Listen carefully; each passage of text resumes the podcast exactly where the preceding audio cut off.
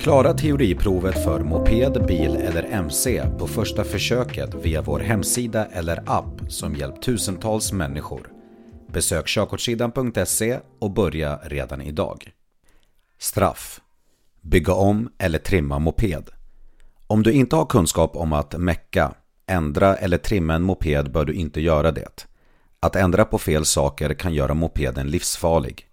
Se till att alltid dubbelkolla med en verkstad eller någon kunnig person i fråga om du är osäker. Det är också olagligt att ta ut insatsen från ljuddämparen eller göra något annat som gör att din moped går snabbare än 45 km i timmen. Trimma mopeden är strängt förbjudet. Ungefär hälften av alla mopeder är trimmade, vilket 9 av 10 föräldrar är medvetna om. Olovlig körning. Köra utan körkort.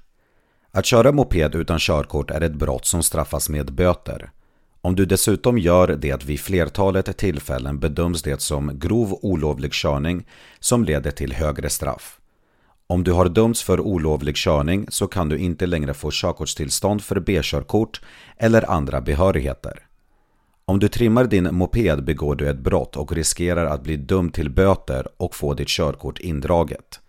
Polisen konfiskerar sedan delarna som höjer mopedens prestanda.